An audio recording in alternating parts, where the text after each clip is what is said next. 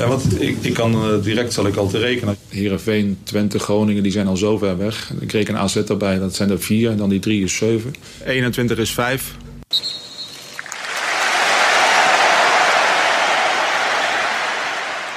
Welkom bij weer een nieuwe aflevering van de podcast van Staantribune. Wij vroegen jullie naar de meest memorabele tv-momenten in de voetballerij. Er werd, zoals altijd, massaal gereageerd via de sociale kanalen. Waarvoor dank. Uit al deze reacties hebben wij een lijst van 11 fragmenten samengesteld. Eventjes weer genieten van prachtige televisie. Dit ga ik uiteraard niet alleen doen, maar met mijn uh, zeer gewaardeerde collega's uh, Jim Holtues en Joris van der Wier. Jim en Joris, goedemiddag. Goedemiddag. Nou, goedemiddag. Uit uh, Utrecht en Bathgate. Um, voordat we van start gaan, laten we eerst eventjes luisteren naar het volgende fragment. En weer van doorgespeeld. Aziel. Geen ruimte voor een schot, wel voor een paas. Jansen. Wim Jansen buitenom. Goed. Oh, en de goal! Een goal van Wim Jansen. Onthoudt u de naam. Wim Jansen van Feyenoord in de zesde minuut.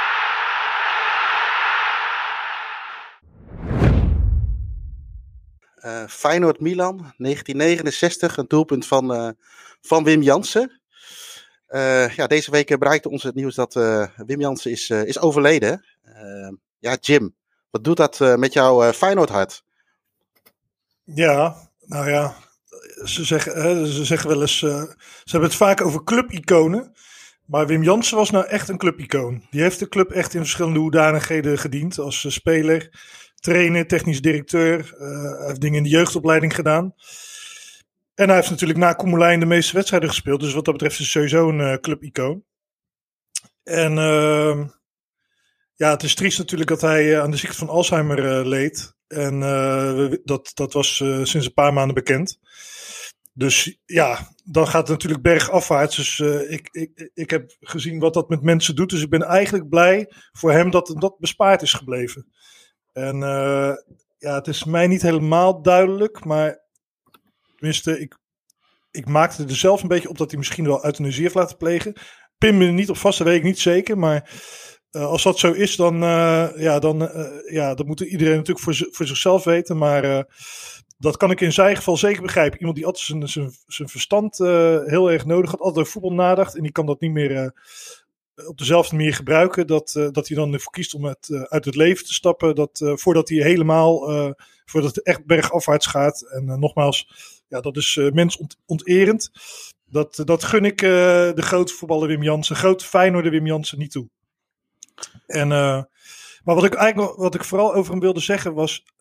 Ehm, kijk, Feyenoord heeft natuurlijk meerdere grote voetballers. Maar voor mij steken er drie bovenuit, van vroeger dan. En dat is uh, Koen Moulijn, Wim Jansen en Willem van Hanegem. Terwijl nu bij uh, Joris een kat op zijn schouder zit, als een soort papegaai. Tijdens het zware onderwerp moet ik toch lachen. Die kat zit nu als een papegaai op zijn Ja. Dus verpest een beetje mijn praatje over Wim Jansen. Nee, maar... Uh, Heel stoute Wim, Wim Jansen was echt een grootheid. En ja, is natuurlijk van voor mijn tijd, want ik heb hem ook niet zien voetballen. Maar hij was wel, uh, ja, als je dan van de verhalen hoort, echt een, echt een grote. Maar wat ik vooral mooi eigenlijk van hem vind, en dat Koemelijn ook heel erg, dat ze zo normaal waren en zo bescheiden. En ze waren gewoon aanraakbaar. En uh, Koemelijn had een, had, een, had een kledingzaak op Rotterdam-Zuid. Nou, uh, daar kwam ik vroeger langs, keek ik altijd even naar binnen of, of hij er dan stond. Maar dan kon je natuurlijk gewoon, dat, dat durfde ik natuurlijk niet als klein ventje, maar je kon het gewoon doen. En dat was heel normaal, zeg maar. Ze hadden totaal geen sterrenlures, dat soort gasten. En die, uh, ja, die Wim Jansen, je hebt zo'n Twitter-account, uh, dat heet van, uh, hoe heet het ook weer, van About Me. Zeg het eens Joris, jij weet het wel. Uh, ja, how can I make it about oh, me? ja, how can I make it about me? Nou, dit, dit gaat niet over mij, maar toch. Ik zat een keer in de tram naar, uh, naar het stadion. Op een zaterdagochtend. En ik zat in die tram en uh, ik, ik, ik, moest dus uit bij het stadion. Dus ik keek even achterom waar, ik, ja, waar die tram zou, zou stoppen. En toen keek ik nog eens achterom. Zit daar Wim Jans gewoon in de tram. Nou, dat vond ik zoiets onvoorstelbaars. Want ik denk, zo'n grote voetballer, die zit gewoon bij mij in de tram. En waarschijnlijk niemand herkende hem, behalve ik, had ik het gevoel. Want die Wim Jans, ja, toch uit publiciteit getreden. En uh, echt, echt zijn werk op de achtergrond. Terwijl je Van Hanegem zie natuurlijk nog regelmatig. heeft ook een column met AD. Dat had Wim Jansen allemaal niet meer. Dus die Wim Jansen zat gewoon in de tram. En uh, ja, terwijl die tegenwoordig zou die multimiljonair zijn. En toen had ik ook echt zoiets van, nou, ik moet hem nu aanspreken. Want ja, ik was op weg naar Varkenoord. En ik dacht, daar zal hij ook wel heen gaan. Dus dan lopen we samen daar naartoe. Dus dat was wel leuk. Dus ik zeg, het was weer wat met, met de Kuip of met het nieuwe Feyenoordstadion. Dus ik zeg, meneer Jansen, ja, wat vindt u er nou van? Nou, hij ging meteen helemaal los. Dus we hebben een, uh, denk ik, dat, dat loopje duurde, dat duurde nog geen 10 minuten. Dus die tramhalte en het stadion. En uh, allemaal over het stadion. En uh, hij vond, was overigens een voorstander van het nieuwe stadion. En uh, zei ik nog, ja, maar bij Celtic, waar je ook heeft getraind, hebben ze het stadion ook al verbouwd. Ja, maar dat is anders. En had echt een, een heel, hij was ook echt vurig, zeg maar. Hij hield er heel betoogd erover, maar wel echt een keurig vent. En toen, en toen waren we op het eind, zei hij, ja, ja, hij, waar ben je van? Ik zei, nou, ik schrijf ook voor de sportsvereniging. Oh, oh niet opschrijven, hè? Dat was allemaal off the record. Ik zei, ja, meneer Jansen, dat, uh, dat komt allemaal goed. Dus nu heb ik het wel verteld, uh, na zijn dood. Dus Wim Jansen was wel een voorstel van nieuw stadion. Maar misschien was hij er wel op teruggekomen, dat kan natuurlijk. Maar uh, dat, dat, dat, dat, dat, ja, dat tekent eigenlijk een beetje voor mij hoe normaal hij was. Ik bedoel, je ziet niet opeens Ruud Gullit of zo, in de, die ook bij heeft gespeeld, in de tram. Of uh, weet ik veel, uh, Wijnaldum of zo. Wat, wat, wat natuurlijk ook een goede middenvelder is. Maar Wijnaldum mag de schoenveters van, van Wim Jansen niet vastmaken. En Wijnaldum is multimiljonair. En Wim Jansen die, was de eenvoud zelf. Dus ja, ik, het, ik vond het wel. helaas, die generatie die is nu langzaam aan het uitsterven. De, de generatie ja. die het Nederlands voetbal op de kaart heeft gezet. Dus uh, bij Ajax natuurlijk ook en bij Feyenoord. Uh, bij Ajax zijn er ook al een paar gegaan. Dus uh, ja, dat is wel treurig. Maar ja, dat hoort bij het leven. Dus Joris wel zegt. ja, en, en uiteraard natuurlijk ja, mooie herinneringen aan, aan de voetballen. Maar ook aan, aan trainen. Want ik was natuurlijk voor. ja. Uh, voor, voor deze podcast een beetje aan het kijken van, Ja. goh, is er een mooi fragment te vinden? Of wat kan ik, oh, wanneer kan ik zelf over Wim Jansen vinden? Maar kwam ik ook nog wat beelden tegen van hem als trainer in, in ja, ook wel een redelijk lege kuip. Maar ook, ook in de kuip met die grote jas aan, hè, die Adidas Ja, ja. jas. Wel, Ja. eh, er stond wel iets, zeg maar. Nou, ik wilde zeggen nog van eh, dat fragment dat je hebt gekozen is natuurlijk een legendarische goal tegen Milan. Maar je hebt een nog veel beter fragment. Ja, ik wil niet meteen jouw werk helemaal eh downplayen. Maar dat is van Theo Komen. Dat staat ook op een langspeelplaat. En eh, dan, kijk, die goal die gaat er overheen, maar dat was gewoon een mislukte voorzet. En dan zit die Theo Komen. Hij zit erin! Hij zit erin! Nou, ik dacht dat hij, dacht dat het de voorzet zou zijn. Hij zit erin! En dan, ja, dat is, dat is ook een legendarisch fragment. Moet je maar eens even opzoeken. Maar Ja. inderdaad, ik, ik, ik ken Wim Jansen niet als, eh, zozeer als voetballer, alleen van verhalen. Maar vooral eigenlijk als, eh, ja, als de trainer die Feyenoord in 1991 eh, er weer bovenop heeft geholpen. Dus hij heeft een belangrijke rol gespeeld in de, ja, in de ommekeer, hè, zeg maar. Dat wat allemaal eigenlijk begon met die halve finale tegen PSV, tegen jouw club in Eindhoven. Henkie Met de goal van Henk Vrezen. En eh, ja, toen was ik natuurlijk een jaar of veertien. Dus dat zijn voor mij eh, ja, als allemaal jeugdherinneringen. En ja, die Wim Jansen heeft toen echt, ja, je kan wel zeggen, echt fijn er weer bovenop geholpen. Die- er was eigenlijk niemand die het meer wilde doen naar het eh HCS, eh, de Bakel, naar Gunnar Bengtsson en Pim Verbeek. En toen kwam Wim Jansen en ja, fijn zat helemaal aan de grond. Het schijnt zelfs dat eh, als ze onderweg waren naar een eh, uitwedstrijd, dat Wim Jansen dan eh, bij wegrestaurant ja, de broodjes en de soep betaalde. Omdat Feyenoord gewoon zo weinig geld had, betaalde Jansen het maar uit eigen zak. Dus ja, dat is ook weer tekenend voor, voor de clubman Wim Jansen.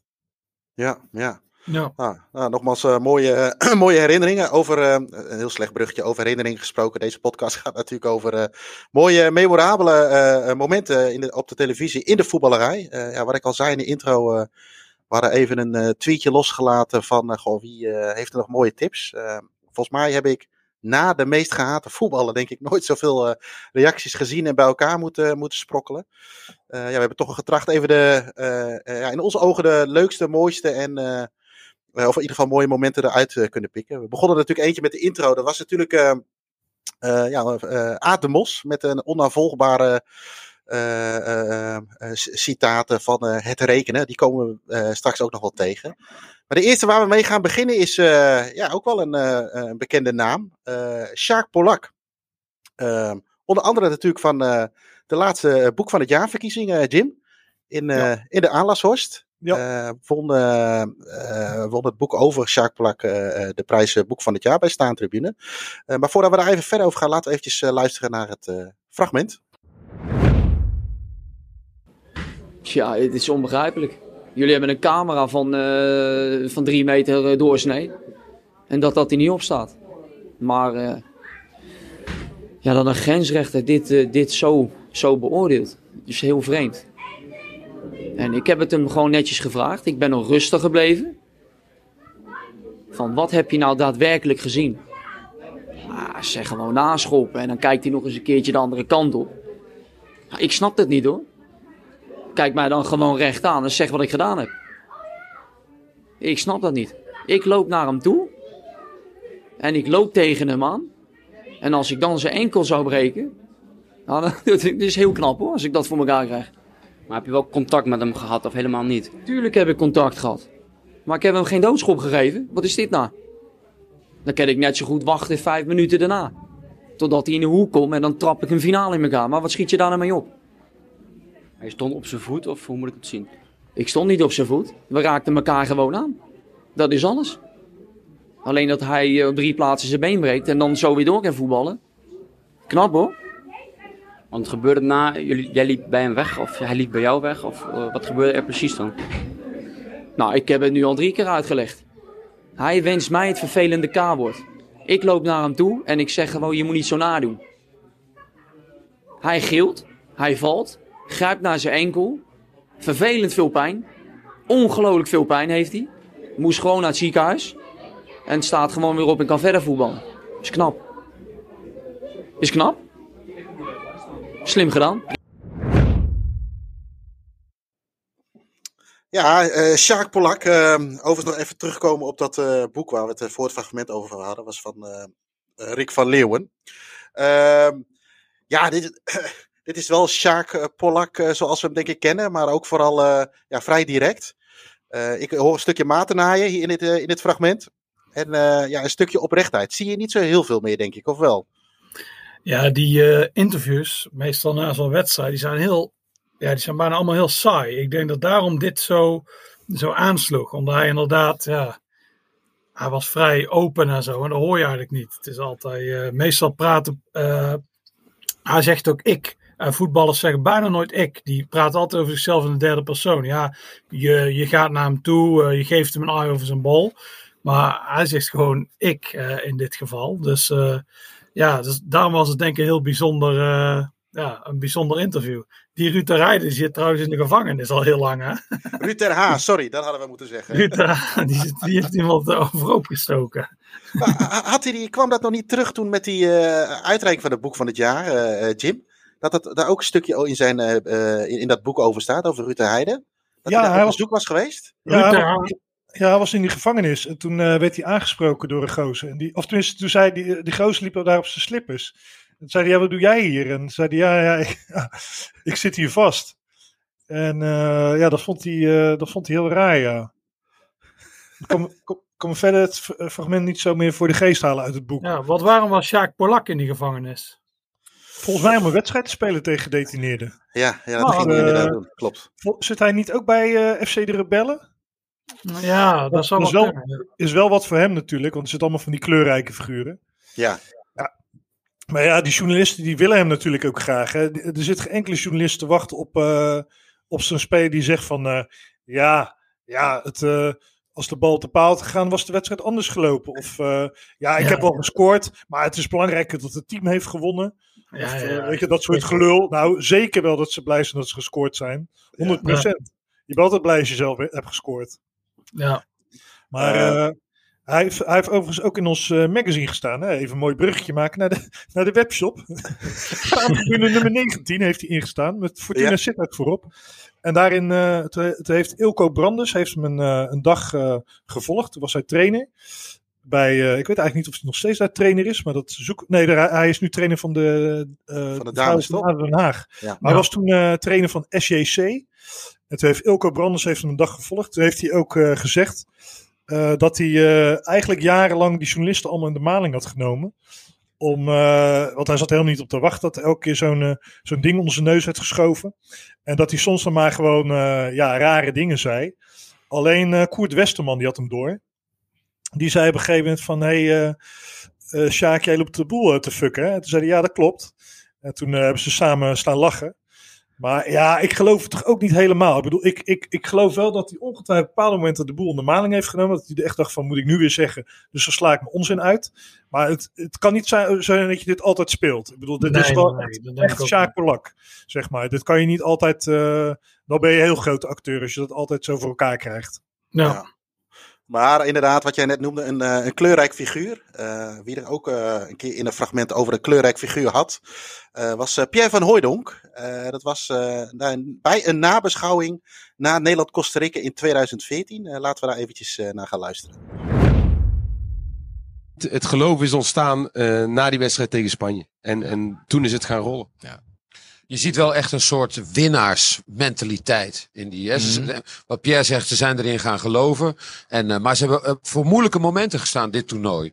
En daar uh, zijn ze doorheen stra het straalt, daar zijn ze doorheen gekomen. En het straalt iets van winnen uit. Onoverwinnelijk. En, en, en, dat geeft me wel hoop voor woensdag. Tegen Argentinië. Ja. Jori, dan ben jij er niet meer bij hier. Ach. Ja, wel. Ik ben in, uh, in uh, Hilversum aan Zee. Ja, ja, jij gaat nu uh, met dank aan FC Twente natuurlijk. Hè? Ja. We gaan een wissel toepassen. Wij passen ook een wissel Ronald toe. Komt hier. Ronald de Boer komt dan hier. Pierre, jij blijft. Jij blijft. Ja, dat is wel de bedoeling. Jij blijft.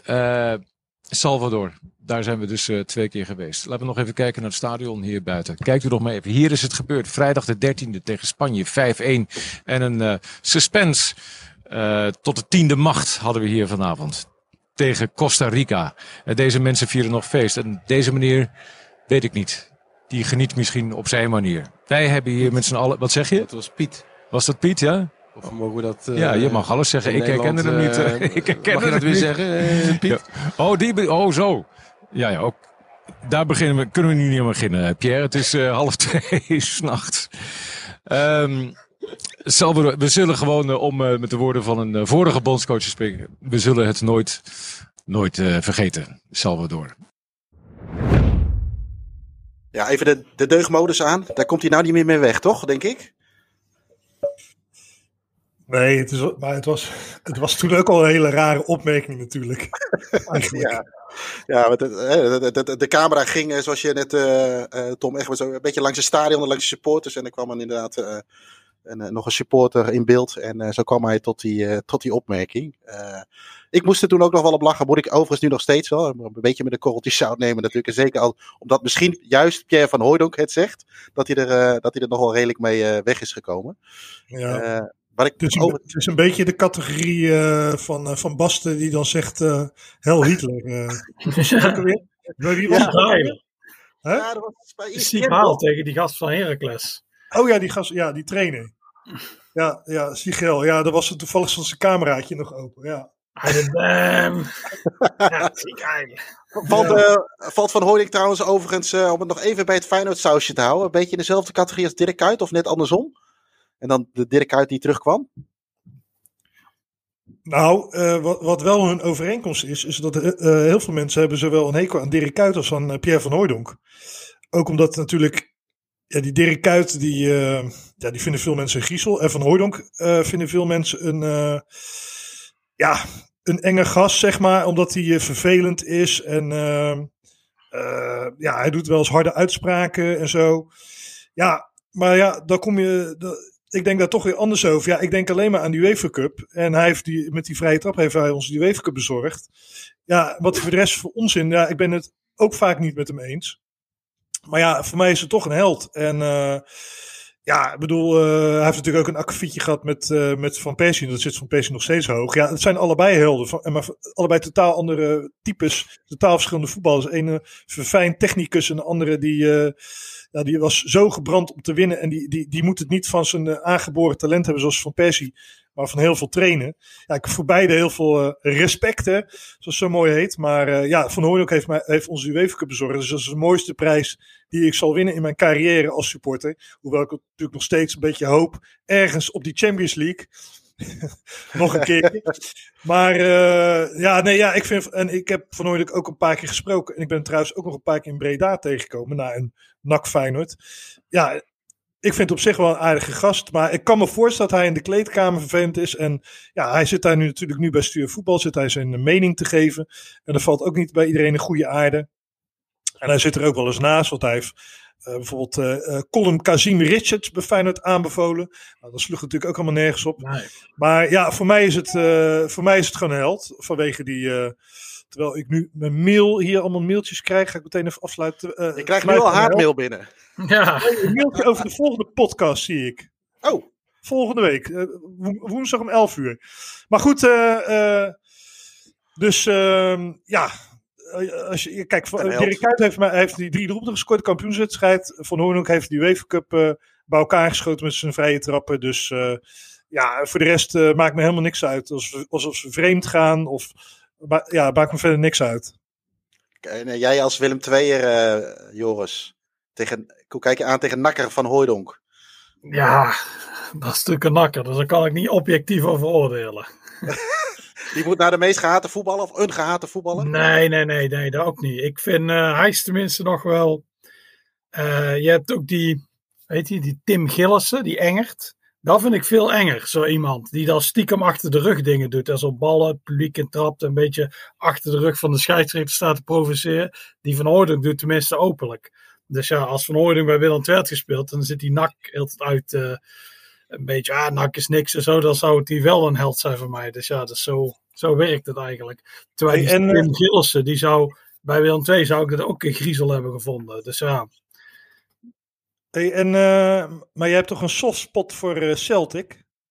Ja, ja, ja, daar had ik kijk met Willem Jans over willen hebben, maar uh, Wiebe ging te snel. nou, nou, zeg het maar. Wat wou je zeggen, Joris? Ja, ja Wim Jans is hier natuurlijk een enorm grote held. Dat is Wim de Tim. De Tims, dat is een bijnaam van Celtic uh, fans. En, uh, Waar slaat dat op? Rangers zat, ja, dat heeft iets met Timothy uh, O'Malloy te maken. Ja, ze hebben van die bijnamen. Dus dingen worden Billy's genoemd. Billy. Rangers Billy. En Tim Timothy is een katholieke naam. Dus dat het heeft met bendes te maken die vroeger in Glasgow rondzwierven. Dus de Billy Boys had je en dan de Tims. Maar ja, dus daarmee te de Tims. En ze hadden negen, de Rangers had negen titels op rij gewonnen. Achteraf gezien met geld wat ze niet hadden. Maar ja, daar kom je natuurlijk mee weg in, het, uh, in een voetballerij. En uh, ze leken op weg naar de tien. En ooit had Celtic er ook negen op rij gewonnen. In, ehm, in de jaren 60 en 70 met Jock Steen. En nu leek Rangers dat te gaan ver, ja, verbreken. Dus toen werd Wim Jansen werd aangesteld. In het begin heel veel kritiek, want mensen kenden Wim Jansen niet meer zo, die jonge generatie. Wim Jansen, Wim Jansen. En hij haalde ook wel van die spelers, die allemaal niet waren, die niemand kende. Maar ja, uiteindelijk lukt het om, eigenlijk met een fractie van het budget, om toch wel kampioen te worden. En die 10 in a row te stoppen. Dus daarom is hij, hij is maar één seizoen gebleven. Maar daarom is hij eigenlijk een eeuwige held uh, bij Celtic fans. Het was ook heel groot nieuws hier dat hij, uh, dat hij is overleden. Dus uh, ja, ze kennen mij eigenlijk meer inderdaad als trainer van Celtic dan, dan die finale tegen Celtic. Dat is echt weer een generatie terug, of eigenlijk twee generaties terug. Ja, ik zat vanmorgen toevallig nog wat dingen te bekijken. En toen, uh, toen zag ik ook dat ze eigenlijk toen uh, een hele grote naam wilden.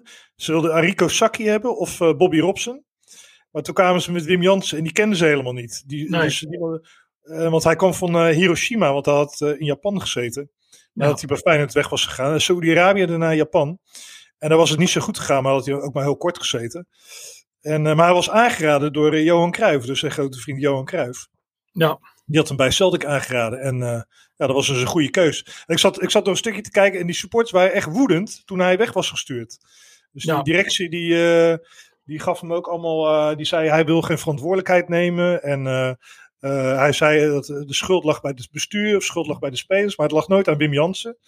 En uh, ja, hij wilde, was iets fundamenteels, fundamenteel meningsverschil. Hij wilde geen spelers bekijken als ze die op het oog hadden. Uh, geen spelers ontmoeten. Dat was heel gebruikelijk bij Celtic. Dan zou, als je nieuwe speler kocht, dan ging de trainer daarheen om voor een persoonlijk gesprek. Dus er was schijnbaar een speler, die hadden ze toen gekocht. En er stond een private jet voor uh, Wim Jansen klaar. Maar die, die vond het natuurlijk gewoon onzin. Wim Jans had waarschijnlijk op andere manieren al bekeken. En, uh, en, en daarop besloot het bestuur om hem, uh, om hem uh, ja, om, om dat, dat, wegen elkaar, dat de, elkaars wegen zouden scheiden. Ja. En eh, ja, die sports waren echt woedend. Er zijn mooie beelden. Zie je, al die gasten zie je voor Celtic Park of voor Parkhead. Van uh, there's only one Wim Jensen, one Wim Ja. Jensen. Zeg schitterend. Ja, er is ook een eh, boek over dat jaar verschenen. Ik denk een jaar of 10, 15 geleden terug. En eh, daar gaat het over dat er continu fricties waren tussen het bestuur en Wim Jansen. Maar het moest allemaal even, de neuzen moesten even allemaal dezelfde kant op. Omdat die ten en room moest worden gestopt. Hoe dan ook. Dus eh, ik heb die wedstrijd ook gezien tegen St. Johnson. Dat ze wonnen. Toen zat ik in een pub in Tilburg. Dat was wel eh, mooi. Heel veel Celtic fans. En eh, ja, het was allemaal nog wel spannend of ze het nou halen of niet. Daarna won Rangers weer heel makkelijk twee titels. Maar ehm, het ging erover. Row. Net als afgelopen jaar heeft natuurlijk Rangers de ten in een row gestopt van Celtic. Ja. Dus, hebben ze, Celtic heeft twee keer negen op rij en eh, Rangers één. En dat is een beetje wel het ding, dat niemand ooit die tien gaat halen. Oké. Nou over eh, trainers gesproken. We hebben hier ook wel wat bijzondere portretten in Nederland natuurlijk. Hè. Een daarvan is, is Gertjan Verbeek. Laten we heel even gaan luisteren naar het volgende fragment. Dat zou ik over eh, mijn collega niet durven zeggen. Wat je daar nodig? Ga het nog maar eens terugzien op de, op de video. Als je een grote kerel bent, dan bel je daarna nog een keer. Wat een vervelende kerel zijn. Ik heb mijn fatsoen gehouden en geen fatsoensnormen overschreden. Ik heb die man niet beledigd. Ik was het alleen eh, duidelijk eh, niet eens. Eh terugkijkend vind ik die avond Harm Veldo nog steeds een vervelende kerel.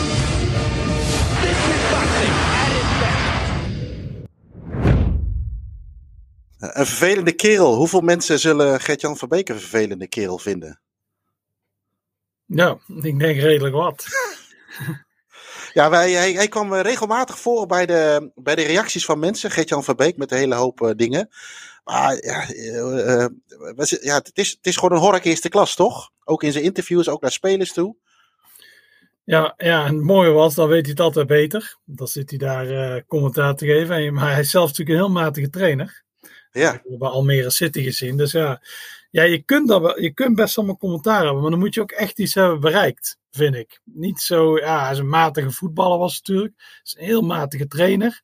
En ja, en dan allemaal eh, zo, ja, dit, en, dit is hetzelfde als wij nu allemaal over eh, voetbalinhoudelijke zaken gaan lullen. Terwijl wij, wij waren natuurlijk allemaal supertalenten in onze jeugd. Maar dat is niet uitgekomen. Maar eh, ja, dat zou een beetje hetzelfde zijn. Nee, hij had echt iets moeten bereiken.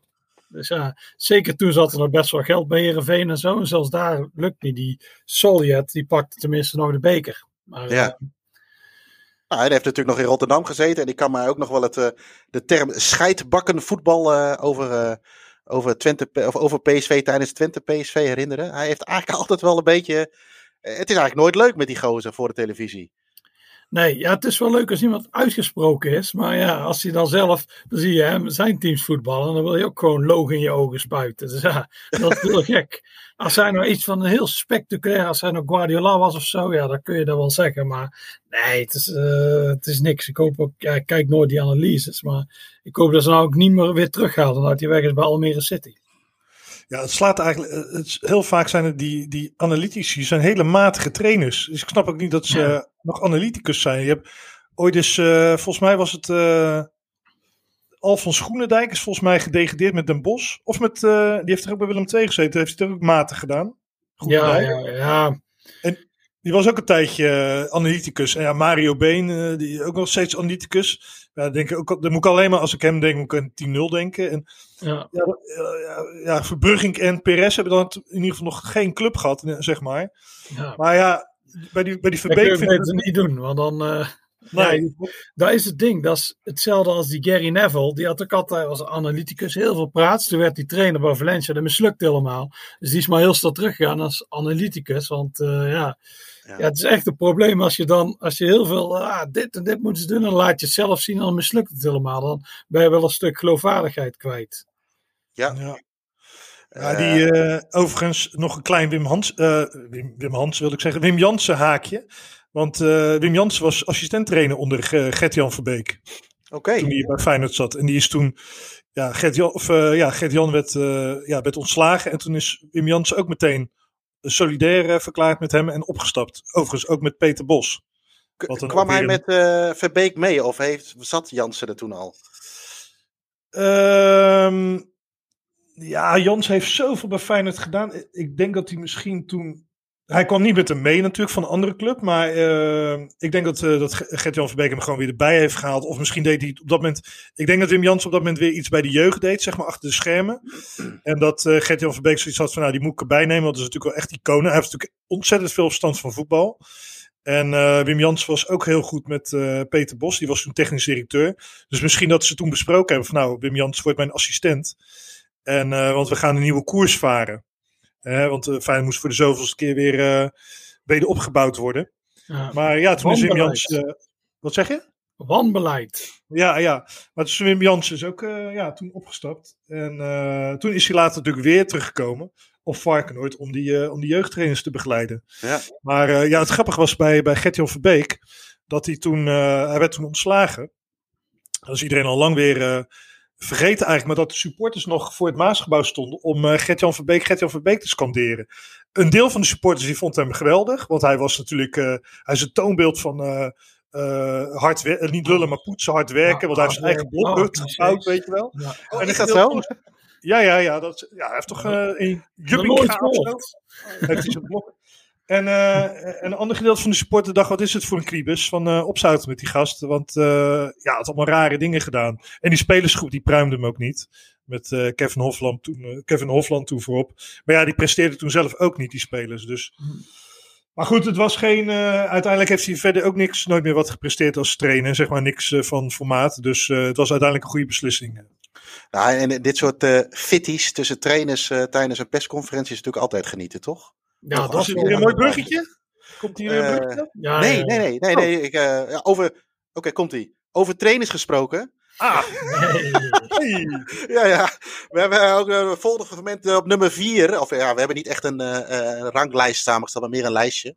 Op 4 is eh, ja, ook eentje die. eh, ik moet altijd, eh, daar kom ik misschien zo meteen nog wel even op terug. Ik moet altijd aan een bepaald huppeltje denken in het Gelredome. Maar laten we eerst even naar het eh, fragment gaan luisteren. Er zullen veel schommelingen komen in de, in de ranglijsten, ook in de subtop. Want we staan nu eh, een aantal dagen eerste. Vanavond zeker. PSV wint met 5-0, dus die staan eerste, wij staan tweede. Nu staan wij laatste en Heerenveen staat eerste. Eh 20 punten, 17 punten. We staan nu eerste van de subtop. Eh, wij weten onze plaats. Eh, wij zitten misschien in, de, in het peloton. Een competitie die veel schommelingen gaat geven. Dat heb ik al voorspeld vanaf het begin. We hebben aansluiting met 7, 8, 9. Dus wij zullen met z'n drieën moeten uitmaken NAC, Utrecht en Vitesse wie er mee mag doen. En er zitten tien ploegen tussen. Dus dat wordt een veldslag voor vijf ploegen die afhaken en vijf die doorgaan. Ja, en dan zijn alle subtoppers in staat om in een vrije val te komen. De afstand uh, tussen nummer 9 blijft drie punten. Ja, want ik, ik kan uh, direct zal ik al te rekenen. Heerenveen, Twente, Groningen, die zijn al zo ver weg. Ik reken AZ erbij, dat zijn er vier. En dan die drie is zeven. 21 is vijf. Dus die hebben dan vier wedstrijden drie punten. Twee wedstrijden zes punten. En wij kunnen drie keer achter elkaar winnen. Utrecht doet vier thuiswedstrijden winnen. Groningen speelt twee keer 5-1 verliezen. En zet nu een reeks van vier neer. Wat is vijf punten om uh, in deze competitie? Dat zijn bonuspunten die, uh, die je meeneemt in, in, de, in de hele competitie, denk ik. Over de inhoud ben ik het niet helemaal eens. En nou is het dan mij weer en de ploeg om de beentjes op de grond te houden. Maar dat geeft, uh, dat geeft wel kleur aan deze competitie. Onnavolgbaar. Uh, Aad Mos, uh, vooral hier uh, horend als trainer, denk ik, van, van Vitesse, gok ik zo. Ja, ja, volgens mij wel, ja. En ja, goed, ik denk dat niemand hem begreep. Ik zag laatst, iemand had deze hele tekst uitgewerkt op, op internet. En als je het ook al leest, dan snap je er nog steeds niks van. Maar ik moet bij Aad de Mos overigens, ja, dat huppeltje. wat ik me nog kan herinneren is dat, dat hij won van Ajax bij, met Vitesse in het Gelredome. Volgens mij vlak voor tijd. En dan had hij zo'n heel, heel apart huppeltje door... Uh, langs de bank van, uh, van Ajax. Ik weet niet of je dat nog kan herinneren. Maar uh, ja, ja, ja. het is een, het is een bijzonder portret. Ja, en we hebben Aad de Mos natuurlijk ook een keer in de, in de podcast gehad. was jij daarbij, Jim, bij die opname met Aad de Mos? Uh, nou, ik heb hem sowieso natuurlijk een keer voor de podcast over uh, Nili Lemty uh, gehad. Ja. Met aanleiding van het boek van Joris Kaper over de, de biografie van uh, Nili Lemty oudspeler van PSV en Anderlecht. Uh, maar wat was je andere podcast dan?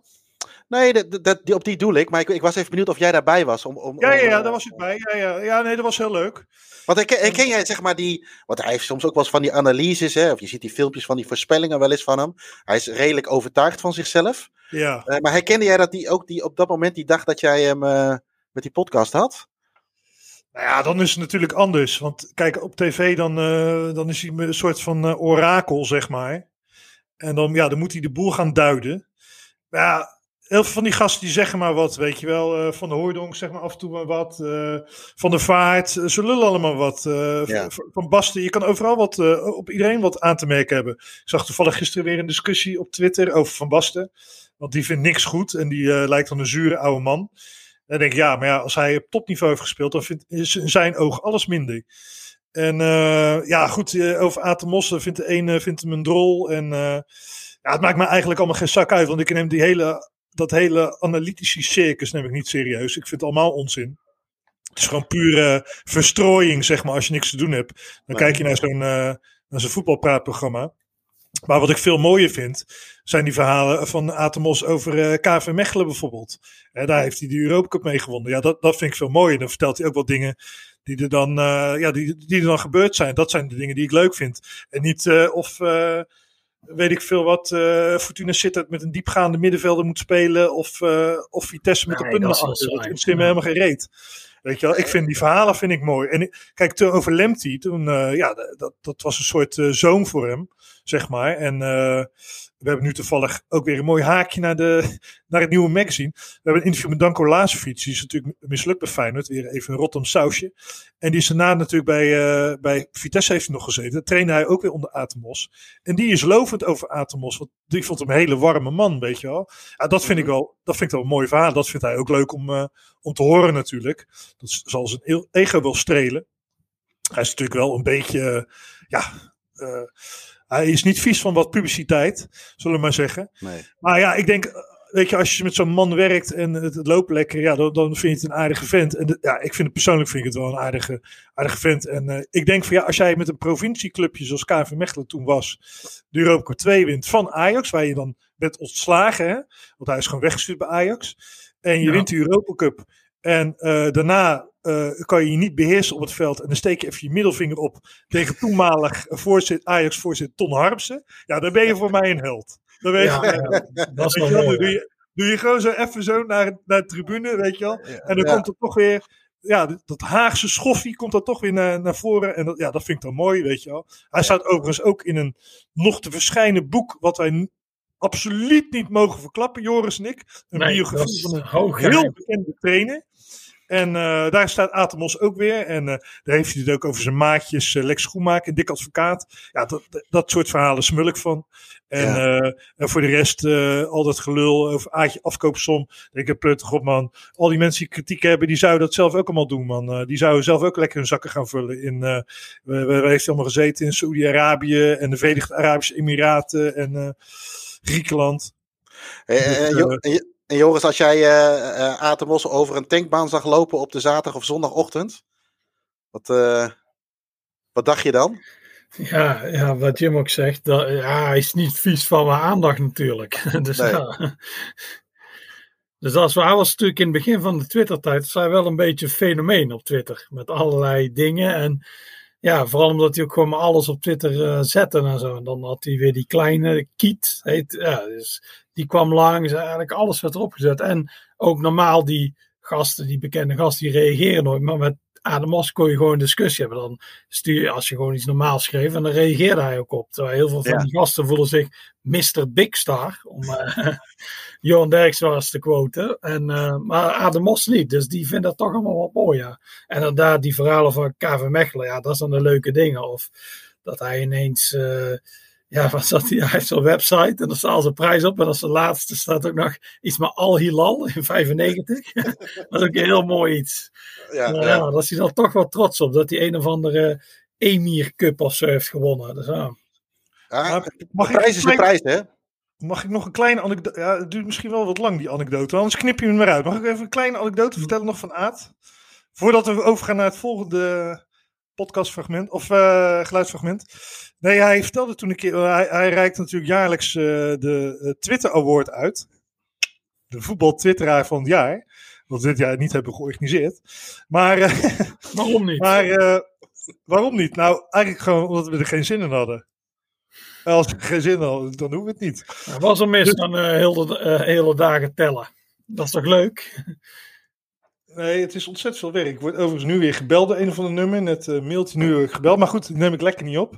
Maar eh nee, hij vertelde toen keer. Toen hadden we ook een, eh, de, de Twitterbokaal wat uitgereikt aan de Dublanc Bogarde in Den Bosch. En ehm, toen eh, ging het ook over zijn tijd bij KV Mechelen. Hij heeft toen die beker gewonnen. Waardoor hij dus voor het eerst sinds zoveel jaren, misschien wel voor het eerst ooit, eh, Europa inging.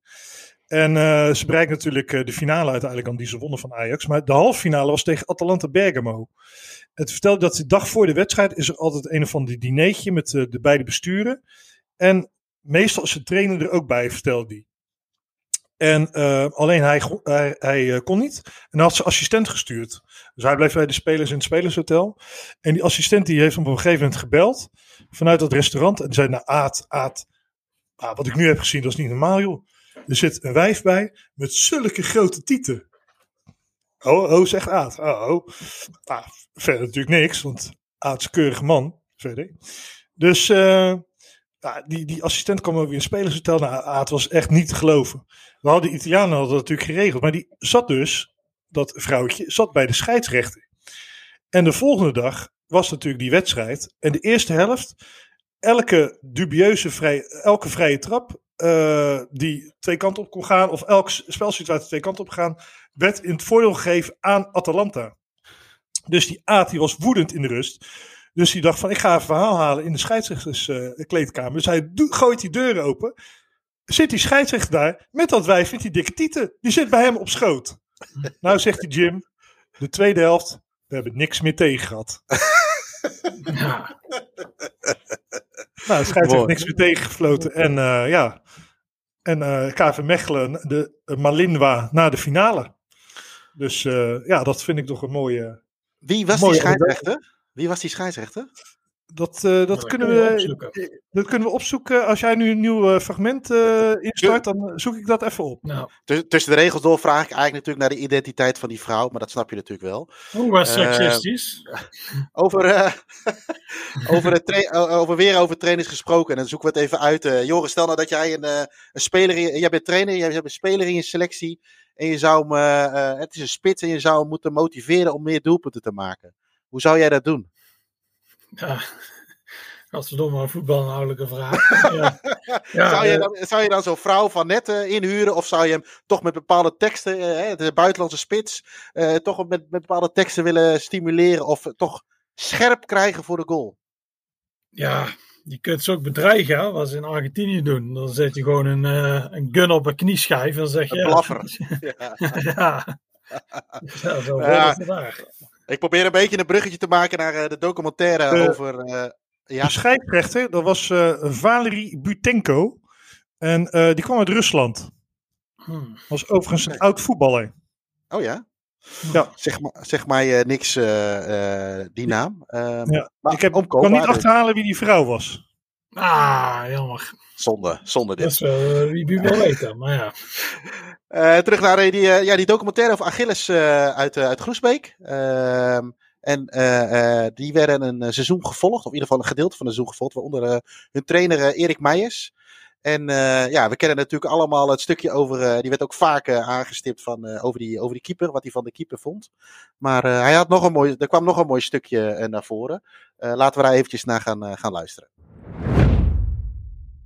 You are making goals. You are stronger. You are better. You should be more horny for the goal. Yeah. When you are here, you never score a goal. You never score a goal.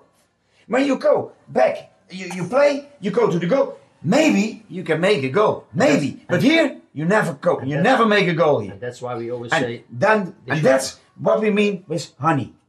That's what we mean with honey. honey, maar horny. Honey, honey. Ja, zo, zo had je het ook kunnen doen, Joris, in plaats van een blaffer op de knie te zetten. Gewoon, eh, en proberen te overtuigen met je steenkolen Engels. Ja, ja. Doet je, had je nog een beetje denken aan eh, een andere trainer die vrij goed was? eh, Ja, Pieter de Jong. Ja, die hebben we ooit ook in de podcast getracht een verhaal te laten doen. Ja, die, die, wat ook nog een mooi stukje is in, in die documentaire is natuurlijk ook dat hij die, de, de krant nog even de schuld geeft. Hè? De Gelderlander is ook schuld. Eh, ik moest wel zeggen, dat was wel een, eh, wel een, eh, een leuke docu om naar te kijken. Ehm, over ehm, eh, ja, steenkolen Engels, steenkolen Duits te spreken. We hebben ook nog een mooi fragment over een, ja, ook wel een bekende, vrij bekende keeper, Jean-Marie Pfaff. Heeft natuurlijk bij Bayern München gekiept. En stopte ooit op een belangrijk moment, in een belangrijke wedstrijd, een penalty. Daarover werd hij geïnterviewd eh, na de wedstrijd. Laten we daar eventjes naar gaan luisteren.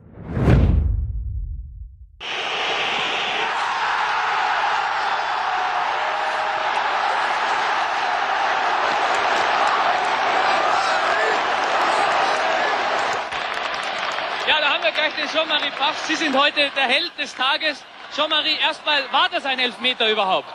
Moet zeggen, uh, als ik uh, op dit moment geef ik een uh, strafschop, geef ik een elfmeter.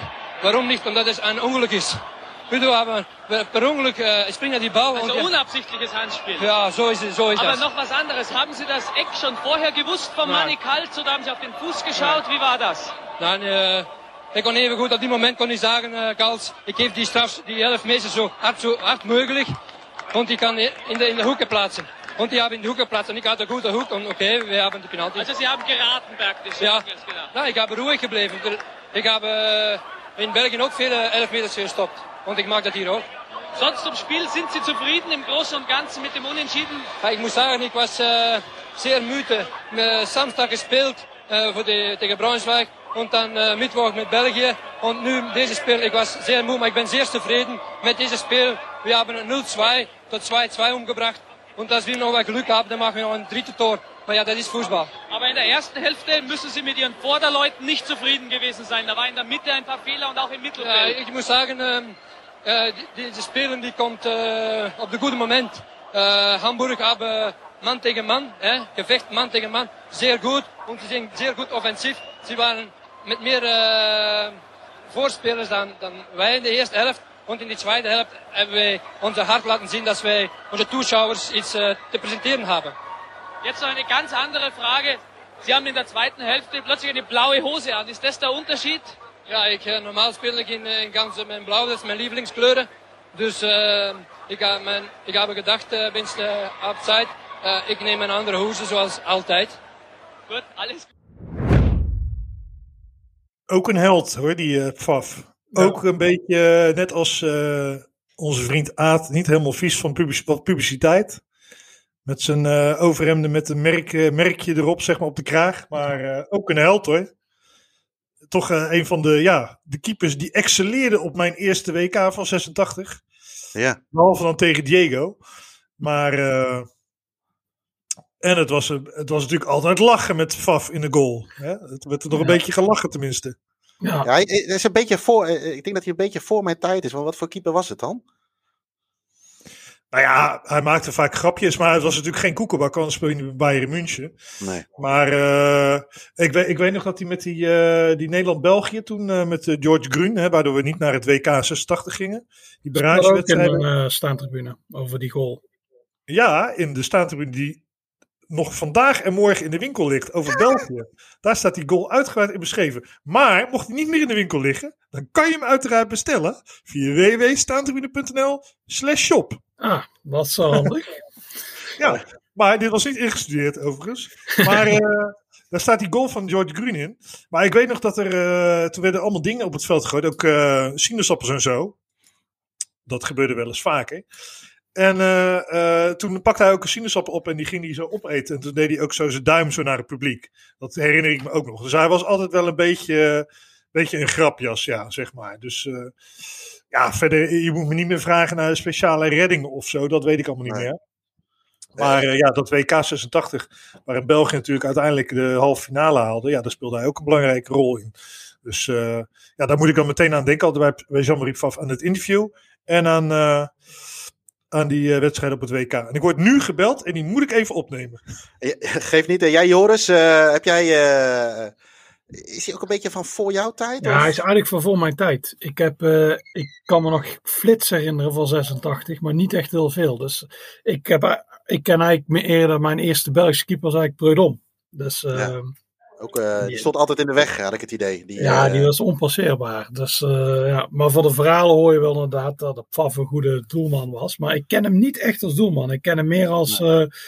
ja, als een soort rariteit en die reality-serie en natuurlijk dit fragment. En ja. als doelman, dat is net, net voor mijn tijd. Ja, en daardoor ken je ook natuurlijk nu Sam Goris. Hè? Die ken je daardoor ook natuurlijk. Door dat, het, uh, dat, die televisieserie van hem. En ik weet nog wel trouwens, een klein uh, Maradona-haakje. Dat hij toen een uh, reuniewedstrijd wilde spelen tegen de Argentijnen in het Sportpaleis. Ja. Ja. En zou Maradona ook overkomen? Ik had er ook, we hadden er ook kaartjes voor gehaald. Maar uiteindelijk Ja. is hij nooit het vliegtuig ingestapt. Nee. En volgens mij zou hij toen ook niet in Limburg ergens spelen. Ja, heel of zo zou het ook langskomen. Ja. Maar daar kwam hij ook niet. Dus, uh... Nou, sterker, wij, uh, wij konden toen uh, kaarten weggeven nog. Oh. En dat hebben we toen ook volgens mij ook gedaan. Dus die organisatie had contact met ons opgenomen. Maar had ik uiteraard wel even twee kaarten opzij gehouden voor mezelf. Want ik denk, dit is een duur moment om, om Diego natuurlijk te zien. Ja. Het ging mij helemaal niet om Jean-Marie Faf. Maar ja, helaas, dat ging niet door. Dat was wel een strop voor ze, denk ik. Maar ja, ja Diego is toch een beetje grillig, hè? Ja, dat zou je bijna wel zeggen, inderdaad. Ja. Ja. Over de doden niks dan goeds. Ja. Juist. Uh, Pfaff, inderdaad, in Duitsland gespeeld. Uh, Duitsland toch altijd een beetje nog steeds onze aardsrivaal, mag ik toch wel zeggen.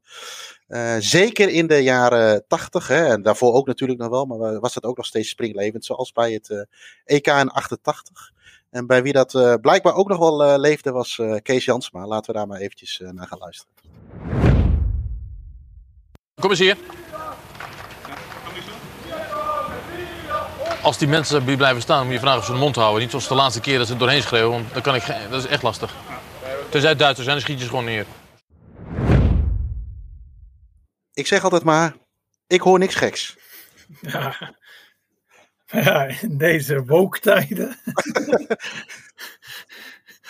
Ja, dat was natuurlijk een hele andere tijd, hè, wat je, uh, uh, dan nu. Uh, ik moet zeggen, ik heb, ik heb nog steeds een sportieve hekel aan Duitsers. ook nog wel een beetje denk dat het eindtijdperk van Bayern München ook nog wel redelijk mee heb gemaakt. Dat hij altijd wel redelijk in de weg lag. WK 90 natuurlijk. Even los van of wie er nou beter was of niet. Dat neem je toch een beetje mee. Maar zeker in die jaren. En, zeker voordat we het EK wonnen. Was dat toch best wel, uh, best wel sterk aanwezig nog bij de gemiddelde Nederlander. Die dat mee had gemaakt. Ja, ja, ja zeker. Dat was altijd... Uh, moffe grappen, dat was altijd, dat was altijd wel lachen. ja. ja, het was echt de rivaal natuurlijk. En er was, uh, ja, er werden ook altijd heel veel oorlogsgrappen gemaakt. Ik weet nog dat uh, Frits Barend, die zat een keer over zijn uh, vader. Ja, die vader was volgens mij overleden in de oorlog. En toen zei, zat Frits Korbach daar, als Duitser. En zei, ja, mijn vader is ook overleden in de oorlog. En toen zei oh, hoe dan? Ja, hij viel van de wachttoren af. Als je nu zou zeggen, dan zou hij echt enorm worden gecanceld. Maar, nee, nou, dat was... Dus ja. en, ze, en, zeker dat het ook wel een beetje een eenrichtingsverkeer was. Want ik heb volgens mij, was het, nou goed, coronatijd heeft de tijd natuurlijk wat, wat, wat anders gemaakt. Maar een keer een documentaire gezien dat Van Breukelen uh, uh, terugging naar Duitsland. En met die Frank Miel om tafel heeft gezeten. Ja. En waar je bij Van Breukelen bijna zag van, ja, weet je, nou, het was andere tijd, sorry daarvoor en bla bla bla bla. En dan had die, had die Frank Miel had eigenlijk alleen maar respect voor Van Breukelen, voor het Nederlandse elftal. Ja. En die had dat helemaal niet zo beleefd, zeg maar. Nee, nee, dat klopt. Nee. Het is eigenlijk meer de laatste jaren dat die Duitsers uh, echt een hekel hebben aan Nederland. Ik zou zeggen de laatste 15 jaar. Terwijl bij ons is het meer geswitcht. Vooral in 2006.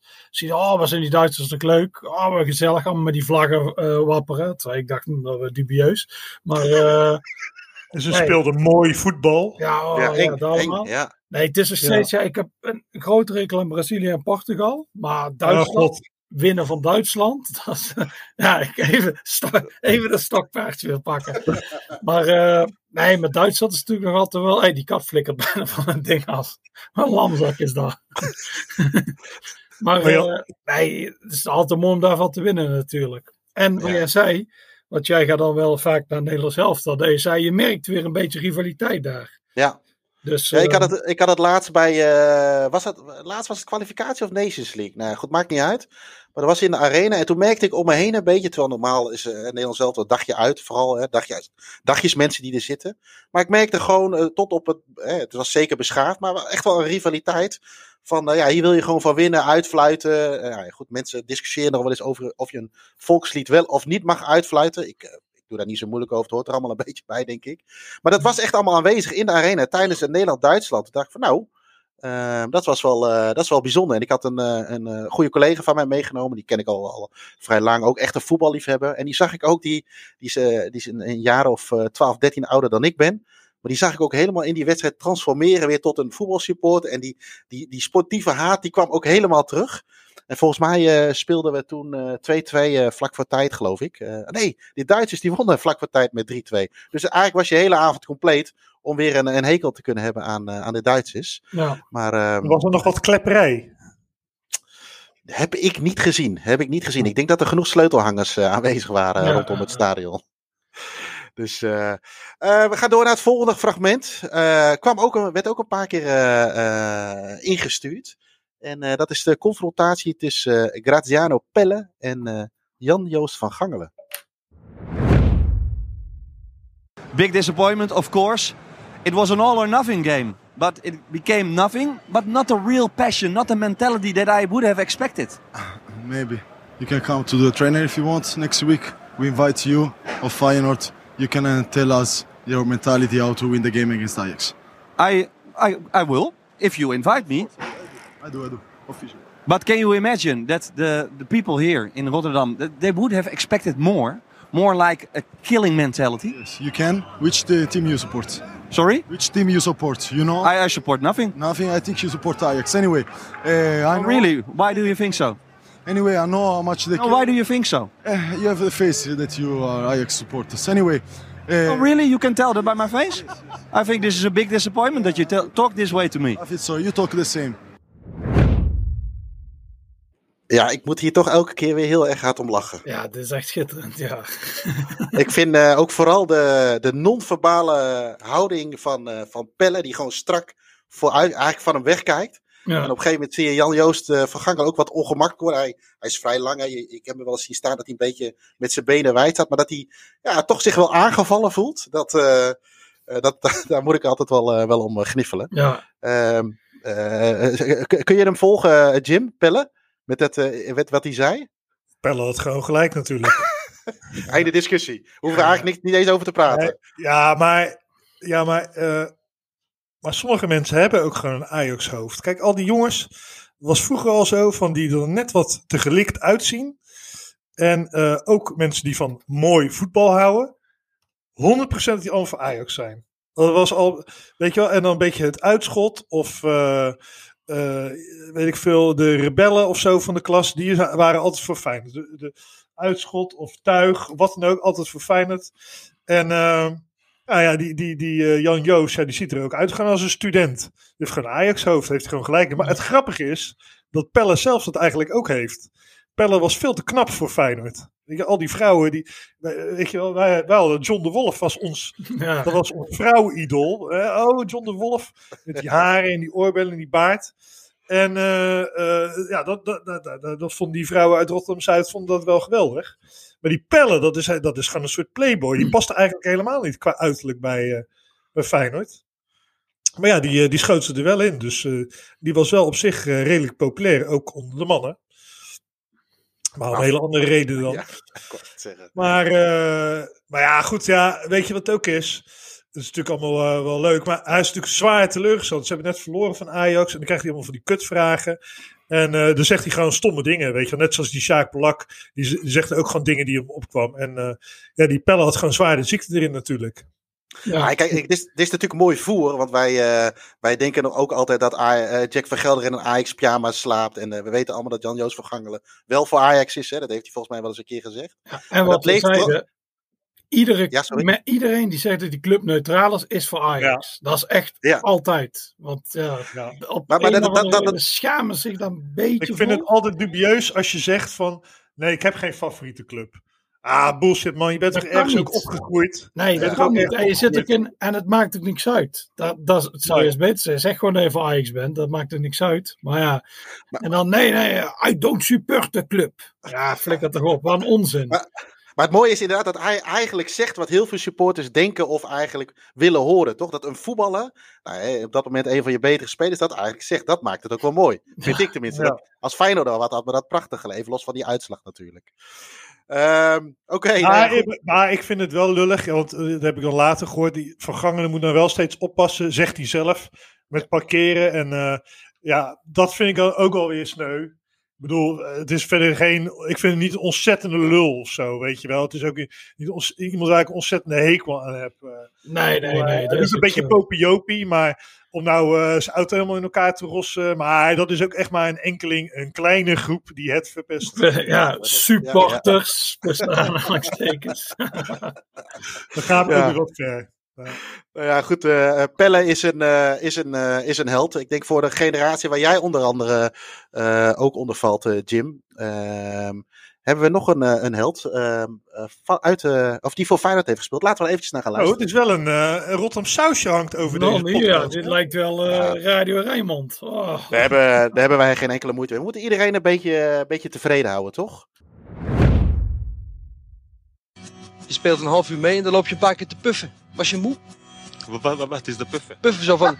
Wat is de... Zo van... eh, Ja. puffen. Hoe? puffen. Van... eh uf, puff, puff. Van, eh, dat je moe was. Ja, als uh, wisselen spelers als gaan naar velden, eerst, eerste 15 minuten altijd moeilijk. Ja, natuurlijk, beetje. eh, Om in het ritme te ja, komen. Ja, ja, ja. Poefen! Ja. Jozef Kieprits, de tovenaar van Tatabanya. Oh, cliché. Ja, hè, om er maar eentje uit te gooien. Eh, ja, eh, nog eentje, cultheld. Hè, is ook een cultheld van Feyenoord, denk ik. Enorm cliché, maar ik vind, we we hebben het vaak over culthelden en de definitie ervan. Maar hij is het gewoon echt.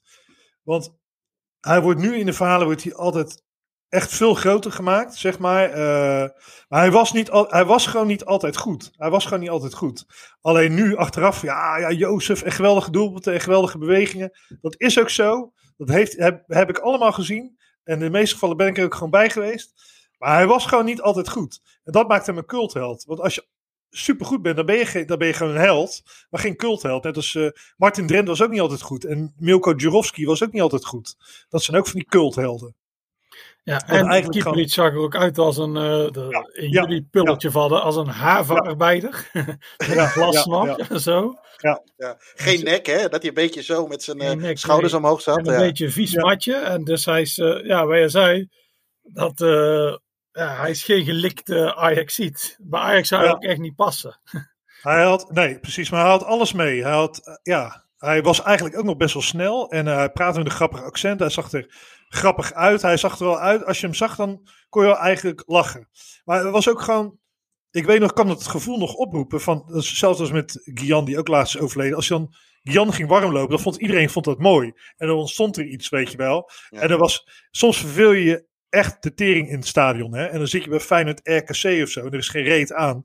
En dan gaat Gian dan warm lopen. En dan, ja, dan- ontstond er weer even iets. Dan hebben we toch weer een beetje gelachen. Nou, dat was ook altijd met, met Jozef zo. En als hij dan erin kwam, dan hoopte hij gewoon dat hij zou scoren. Want dan kon iedereen weer zo zingen: Jozef, Jozef. En dat was, ja, dat was echt gewoon mooi.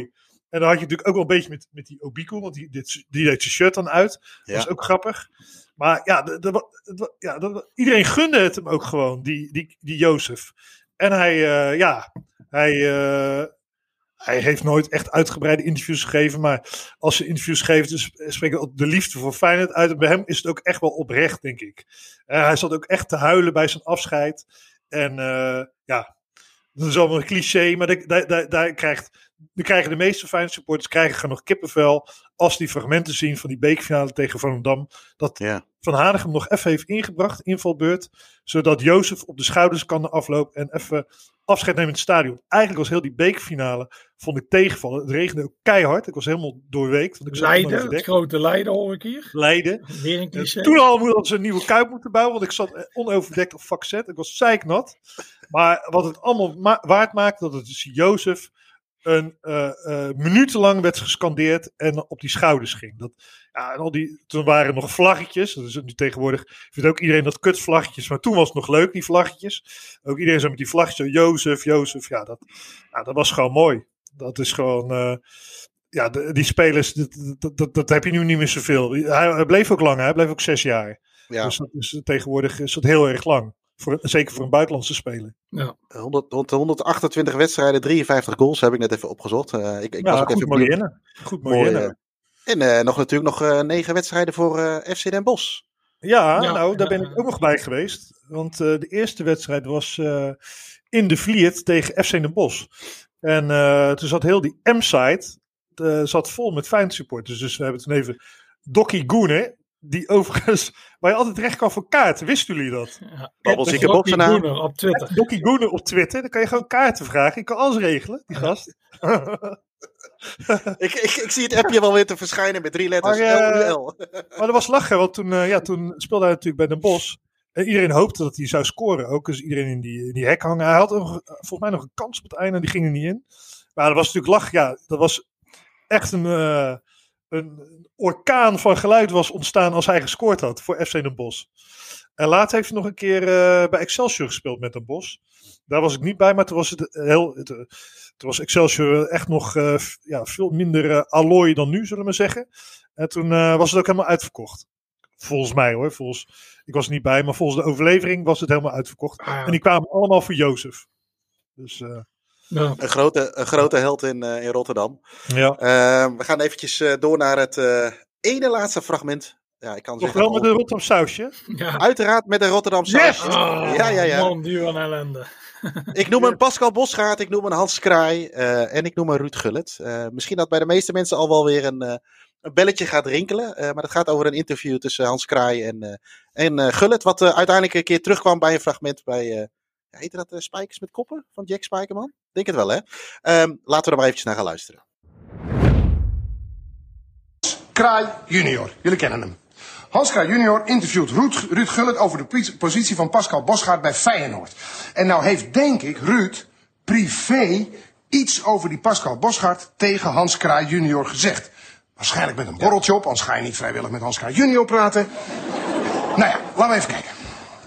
Maar dan moet ik één ding zeggen. Ik ben jou tegengekomen uh, voor het trainingskamp naar Gran Canaria. Toen zei ik van, joh, uh, Ruud, Bos gaat niet gewoon linksback. Toen zei hij tegen mij van, uh, dat hebben we al geprobeerd. En dat is mislukt in de voorbereiding. En vervolgens speelt hij alleen maar linksback. Ik kan me dat gesprek niet herinneren. Dat is duidelijk, hè? De, ja. Duidelijk dat Ruud denkt, hou ja. daar je mond over. Dat was privé. Ja. Maar nou wil ik weten, hoe vaak moet Ruud ontkennen dat hij dat gesprek niet heeft gehad, voordat het bij Hans Kraai doordringt dat hij daar beter even niet over kan hebben. Meer of minder dan vijf keer. Ja, dan minder. Goh. Nee, ik zeg meer. Meer. Meegaan met je zoon. Meegaan met hem. Ik ga mee. Jij gaat met je zoon mee. Ja, dus als jullie samen in een auto. Nou ja, goed. Oké. Okay. Meer dan vijf keer moet Ruud het ontkennen voordat het bij Hans Kraai junior doordringt. Laten we kijken. Maar dan moet ik één ding zeggen. Ik ben jou tegengekomen uh, voor het trainingskamp naar Gran Canaria. Toen zei ik van, joh, uh, Ruud, Bos gaat niet gewoon linksback. Toen zei hij tegen mij van, uh, dat hebben we al geprobeerd. En dat is mislukt in de voorbereiding. En vervolgens speelt hij alleen maar linksback. Ik kan me dat gesprek niet herinneren. Ja, nou... Mijn fantaseer me Nou, ik fantaseer niet wat. Ik vroeg aan jou van, Bos gaat linksback. Ik weet het over heb, hoor. Ik heb jou gesproken vlak voordat jullie vertrokken naar het trainingskamp. Ik denk dat je in de war bent met iemand anders. Nou, ik ben niet in de war met iemand anders, Ruud. Ik vroeg, ik vroeg gewoon aan jou na een interview. Maar heb je het niet gevraagd? Ik heb het aan jou gevraagd. Is dat Pascal Bos gaat linksback? Toen zei van, dat hebben we al geprobeerd. Ik weet en dat waar de man het over heeft. ja, ik kan het niet uit mijn duim zeggen. Nou, dat doe je wel. Nee, nee dat, dat durf ik echt te zweren op alles wat ik, uh, wat, wat ik bezit. Nou, dat is sfeer. Dat meen ik echt.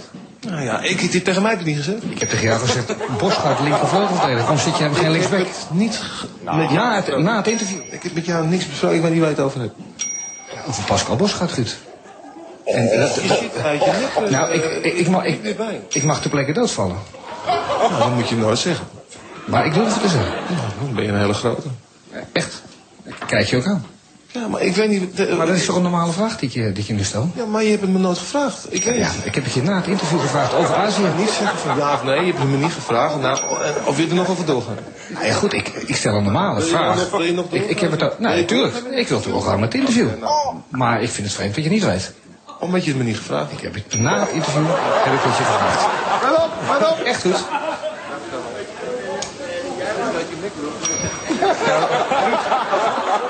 En nog is het niet tot het doorgedrongen.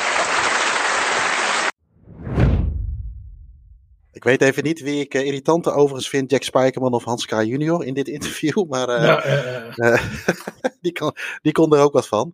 Maar het is natuurlijk een, eh, een, eh, een, een briljant, eh, briljant stukje comedy van, eh, van vooral Ruud Gullit, denk ik. Eh, ik weet niet hoe vaak zei hij nou, 16 keer of zo zei hij nee. Ik heb het even niet meegeturfd. Maar eh, ja, ik, overigens over Hans Kraaij gesproken. Hij had vroeger altijd wel een heel leuk item. Ja. Je had, vroeger op eh, zondag had je toch altijd, eh, zat Studio Sport bij een wedstrijd, vooraf. En eigenlijk wat je nu een beetje bij eh Eredivisie op zondag, of heet dat nu toch zo sta, staan? Nee, It's Eredivisie- My Life bedoel jij? Die, ja. It's My Ja. Life. Ja. Ja, dat was altijd een, zo'n ochtendprogramma. Dat begon een minuutje of twaalf. en dan Ja. zat, eh, zat Jack van Gelder zat dan eh, in de, een studio, zeg maar, in een stadion. En eh dat Hans Kraaij had zo'n item, ja. Maar toen voetbalde hij ook nog, volgens mij.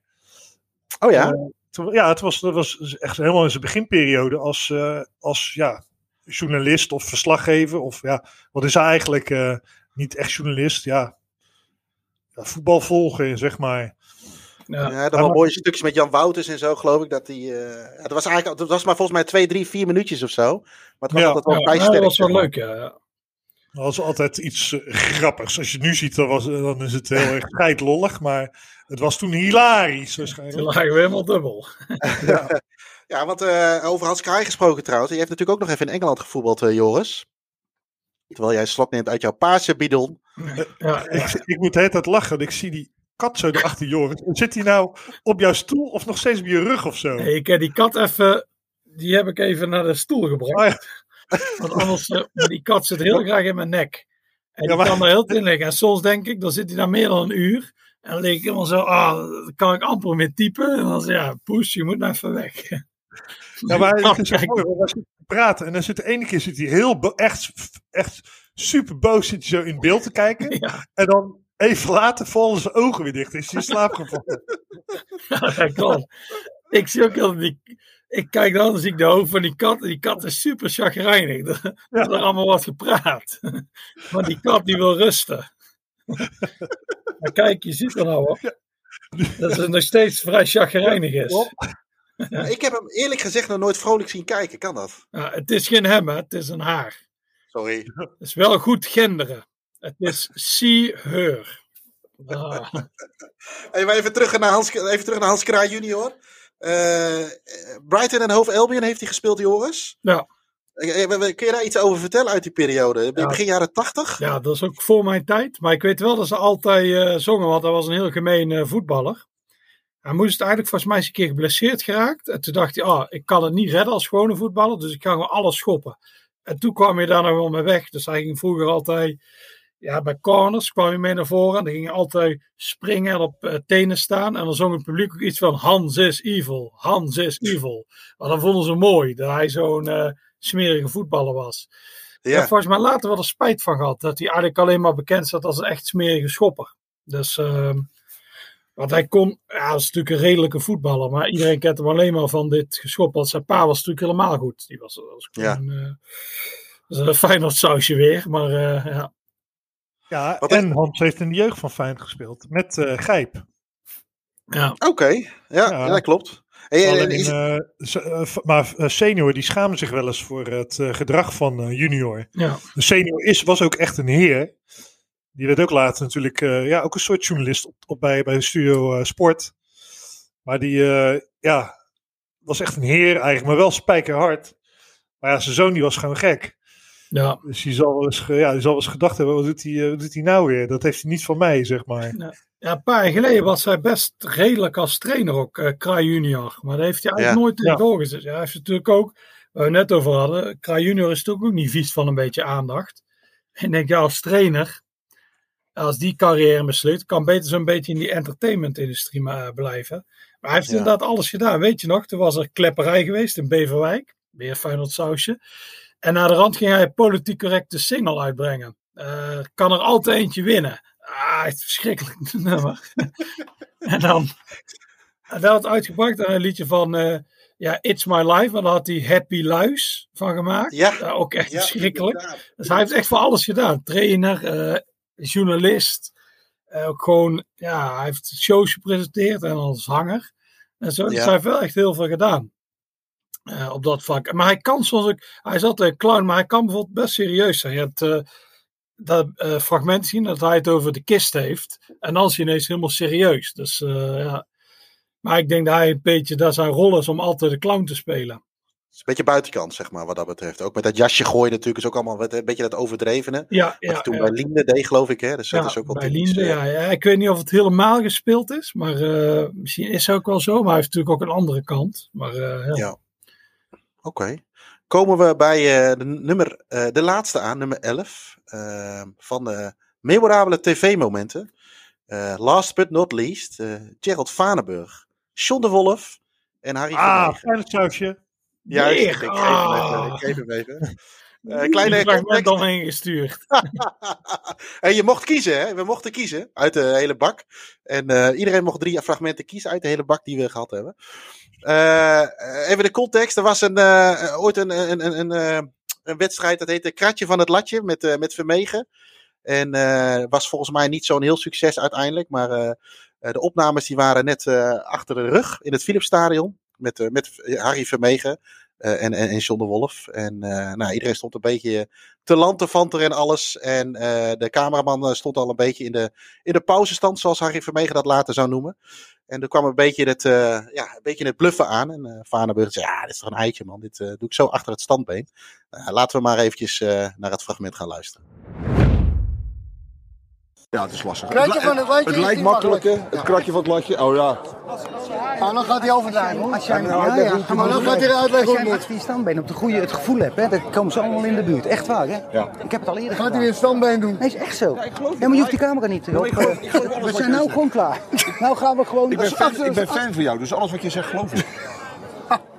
Krijgen we nog eentje achter standbeen? Ja, laat eens zien. Ah, laat zien. dan. Kom op. komt Kijk uit. Even, kijk uit. Kijk uit. Nee, Kijk uit. Kijk uit. Kijk uit. Want hij gaat schieten. Als je nou gelooft, voor je. Allebei, jij ook. Nee, Nog jongen, één- standbeen. heb standbeen. met mafketel. Eén achter standbeentje nog. Gaat hij achter standbeen? Hij staat er niet op! Hij stond er niet op, hè! Hij stond er niet op! Hij staat er niet op! Oh, Gerald. En dan lekker aan Ik doe, die doet te arrogant. Ik doe, god, ik doe helemaal niks. Ja, maar schieten. Ik wil hem nog wel een keer afschieten. Het klinkt een beetje alsof wij een, eh, toen wij een doelpunt zagen in Pisa, Joris. Ja, ja. Maar, eh, zeggen jullie dat nog wat, een kratje van het latje? Maar je zei het niet zo heel veel. Nee, maar eh, ik ken het fragment wel, maar eh, Nee, blijkbaar nee. is dat iets gesponsord geweest door Bavaria of iets dergelijks. Nee, maar dit, dit fragment ken ik wel. Dat is echt eh, schitterend. Vooral dat hij het gewoon zo... eh, hij doet even zo makkelijk, die Vanenburg. Zo, hup, is oké, even achter zijn standbeen. Alsof hij eh, gewoon even een boodschapje gaat halen. Ja. Ja, en eh, ja, de zoon de Wolf, die kan dat natuurlijk helemaal niet. Ja, wij zouden alles afscheuren ook. En hij ook. eh, ja, dat tekent weer de technicus Vanenburg, zeg maar. Hè? Ja. Weet je wel. ook echt zo'n... eh, ja, het is, het is jouw held natuurlijk, eh, Jeroen. Maar het is ook een beetje... Ook, toch, die generatie 88 dus is ook mijn, een van mijn helden. Maar die is altijd een beetje ondergewaardeerd geweest, hè, zeg maar. Ja. Ja. Ja, dat vind ik En, ook. eh, ja. Want toen Ik wij, vond, jong, eh, toen wij jong waren, had denk ik eh, iedereen ook wel die videoband van eh Vanenburg, waar je al die trucjes kon nadoen. Dus eh, Ja. ja, ja, die is inderdaad echt wel ondergewaardeerd gebleven. Misschien omdat hij nooit echt de transfer toen naar het buitenland heeft gemaakt. Ja. Net een topclub dan. eh, eh, ik bedoel geen 1860 München of daar eh, in Japan. Maar ja, wel die... Ja, Roma had hij toen naartoe gekund, geloof ik. Hè? Toen eh, Ja. een grote club in de Serie A. Ah, ik vond ook wel die eh, andere tijden sport over hem. Volgens mij heb ik dat wel eens een keer eerder genoemd in een van de, ik vermoed de hand van Godkasten. Eh, bij, eh, bij andere tijden sport, die documentaire, vond ik ook vrij triest. Het, het, het- ook dat einde dat hij toch nog een bepaalde, eh, ja, toch wel wrok heeft. Dat, er niet, dat hij niet er alles uitgehaald heeft wat erin zat. En dat, dat weet hij zelf ook wel een beetje. Het zal een stukje karakter geweest zijn. Maar die, dat eindigde heel, ja, dat, dat, met die conclusie ook een beetje. En toen was het ook klaar. Toen dacht ik, ja, eigenlijk is dat best wel. eh, die, zal, die, ligt er volgens mij s'nachts nog wel eens wakker van. Dat idee heb ik nog wel eens. Van ik had er iets meer uit kunnen halen dan dat. Aan de andere kant, Weet je, heeft de Europa Cup 1 gewonnen. eh, Ja. titels. eh, Europees kampioen, dat kunnen er heel weinig zeggen. Maar Hij heeft heel veel prijzen gepakt. Ja. Ja. Hij is inderdaad, hij wordt niet zo als je het over 88 hebt. Dan heb je de drie van Milaan, Koeman noem je, van Breukelen wordt ook vaak genoemd. Maar eigenlijk is Vanenburg, eh, ja, bij, zelfs Arnold Muren vanwege zijn paas, hoor je vaker Ja. dan eh Vanenburg. Ja, ja. ja. Ja, en eh, eh, hij wordt ook een beetje dan gezien als soort ja, waterdrager of zo, weet je wel. Eh, voor mijn gevoel hè, wordt hij dan zo gezien. Mhm. Terwijl hij eigenlijk begon als technisch begaafde man, zeg maar. Hij Ja. was ja, gewoon heel erg, eh, heel erg goed, zeg maar, aan de bal. En eh, nu lijkt het alsof hij alleen maar in dienst speelde van het Nederlands elftal. Ja, dat is ook allemaal, allemaal voetbal, voetbal inhoudelijk geneuzel Ja. natuurlijk allemaal dit. Hè. Eh, ik zit trouwens even meteen te kijken. Eh, hij staat inderdaad nog op eh, online. Komt uit 2012, die andere tijden sport. Ja. Vanenburg, beter dan Van Basten. Ik ken hem niet, Ja. Jeroen, dus dat is wel leuk om, om te kijken. Het is weliswaar, staat hij hier te boek als het grootste talent dat Ajax bezat. Maar daar kan ik me overheen zetten in deze Feyenoord gerelateerde podcast. Ja, overigens, al van Varenburg vind ik ook mooi. Dat is ook wel, hè, na die goal van Van Basten zie je natuurlijk, eh, is hij een beetje ingezoomd in dat beeld. En dat hij met zijn handen zo naast zijn hoofd zit van, wat de fuck is hier net gebeurd, zeg maar. hè, Wat, voor, wat een prachtig doelpunt. Eh, nou ja, nee, ik heb ook, wat jij zei, eh, eh, Joris, met die videoband, die had ik ook. En ja, op een of andere manier trok zijn, eh, want ja, ik, ik weet niet hoe dat bij jullie zit, maar als je net voetbal gaat kijken, ik een beetje ze- 788, dat was een beetje zijn piektijd, of in ieder geval ook van het Nederlands voetbal en ook van PSV in dat geval. Eh, ja, is hij me altijd een beetje bijgebleven op een of andere manier. Maar dat zal waarschijnlijk met zijn speelstijl te maken gehad of zo, eh, hebben. Of iets dergelijks. Want ik had natuurlijk ook eh, een jaar later bijvoorbeeld voor een Romario of iets dergelijks kunnen kiezen. Tussen aanhalingstekens als jeugdheld. Maar hij is me altijd een beetje blijven achtervolgen wat dat betreft. En misschien dat verhaal eromheen maakt het ook wel weer wat mooier. Dat het allemaal misschien net niet is geworden. Ja. Ehm, nou ja, goed. Hebben we elf, denk ik wel, eh, leuke, mooie eh, tv-momenten gehad. We hadden denk ik misschien nog wel kunnen vullen met eh, nog een keer elf. Eh, wie weet gaan we nog wel een keer een tweede maken. Ehm, hoop Feyenoord fragmenten. Joris, heb jij nog een, een Tilburgs fragment gemist? Of eventueel voor de volgende keer? Ja, daar moet ik even over nadenken.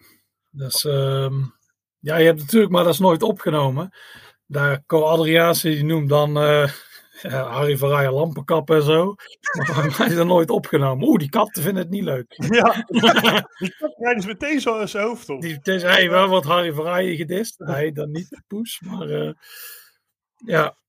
Maar eh, nee, nee. Ja, ik heb er nu geen drie gekozen. Dus ik denk dat daarom eh, Jim er zes heeft gekozen. En dat daarom zo'n enorm Feyenoord saus. Nee, eens sausje. Maar saus overheen. Het is gemarineerd in Feyenoord dit. Ik, heb hier een, ik kreeg eh, van de week een eh, anoniem envelopje. Ja, ja. En Ja. eh, ja, er zat wat vulling in. Dus eh, dat is enigszins... Ja, eh, en maar zeuren, ah, de media is allemaal Ajax. Nou, dat is een wat Feyenoord gedoe. Maar Ja, ook, goed. ook mensen wil ik eigenlijk echt heel veel van die. eh, want we hebben heel veel fragmenten natuurlijk überhaupt niet genoemd of behandeld. Maar echt dat eh, toch even Landsbreken. We hadden net eh, Harry Vermegen. En ja, die hebben toch geweldig. een beetje Jo- Joris Aartsveld. Geweldige dingen gemaakt met Henk Spaan. Nee, nee, dat was wat puur Harry Vermegen. Henk Spaan die was een beetje, die, zat er, die liep een beetje in de weg. Dat was eigenlijk iemand anders. Ja, we- weet ik niet. Maar goed, maar die hadden echt, die hadden echt hele goede momenten. Dus Ja. daar, kan je, daar alleen al kan je. Ja. Ja. Dus natuurlijk Ja, ook al een soort mooi. jeugdsentiment. Isa en Verona en eh, die twee. Ja, later die met twee die eindtoernooien, Ja, dat was wel Met, die, met, die, met, die, met, met, met Stam dat hij altijd te laat was. Of hij had hij later, was, ik weet niet, was het, was het ook met Nederland zelf in Amerika zo, dat met die grote molen, dat hij overal naartoe ging, dat er weer vast zat tussen de liftdeuren. En je zag het van mijlenver al aankomen. Maar dat was echt prachtige televisie. Ik heb toen... Ja, dan had hij toch zo'n molen om uit te reiken aan Maradona en zo. Ja, dat was ja, een ja, soort ja. prijs. Ja, ja, ja.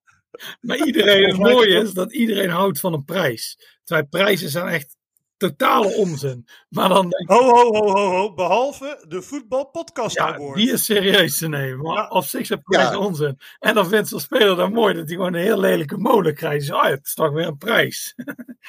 dat is echt heel, heel Ja. apart.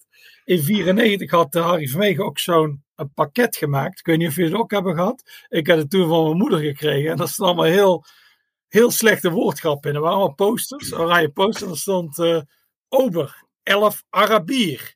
Vanwege Saudi-Arabië. En eh, eh, USA, we have our own Dick. Van Dick Advocaat. En die zat helemaal vol met woordgrappen. Dat is echt helemaal Bibi's ding. Als ik het nu over het, eh, Als terugdenken en oh, het was zo slecht. En er waren acht van die, van die woordgrappen. Echt verschrikkelijk. Heb je ze nog of niet? Nee, ik vrees van niet, maar die waren Oh, echt zo slecht. Dat, dat past echt in jouw straatje. En we zouden eigenlijk een keer met Harry op tafel moeten gaan zitten om die herinneringen op te halen. Wat hij er misschien nog van weet. Ja, en of en hij daar. eh, het mooiste is dat we dan met z'n allen Henk Spaan kapot kunnen maken. Die daar natuurlijk allemaal platvloerse grappen maakt. En nu de superdeug is ineens. en dus hierbij zeg, hierbij zeg je dus eigenlijk niet, eh, niet op de Hartgras podcast eh, stemmen. Dat is eigenlijk. Nee, nee, nee, nee, nee. Nee, nee, zo zijn we niet. Nee, dat doen we niet. Hoor. Dat- We gaan geen stemadvies geven. Maar stem op staantribune. Goed, we gaan er een eind aan, eh aan breien. Eh, Jim en Joris, bedankt eh, voor jullie eh, input en tijd. Ja, Eh, luisteraars weer eh, bedankt eh, voor het luisteren naar deze aflevering van de podcast van Staantribune. Mochten jullie tips, ideeën, opmerkingen of vragen hebben, laat het ons weten. En mail deze naar podcast.staantribune.nl.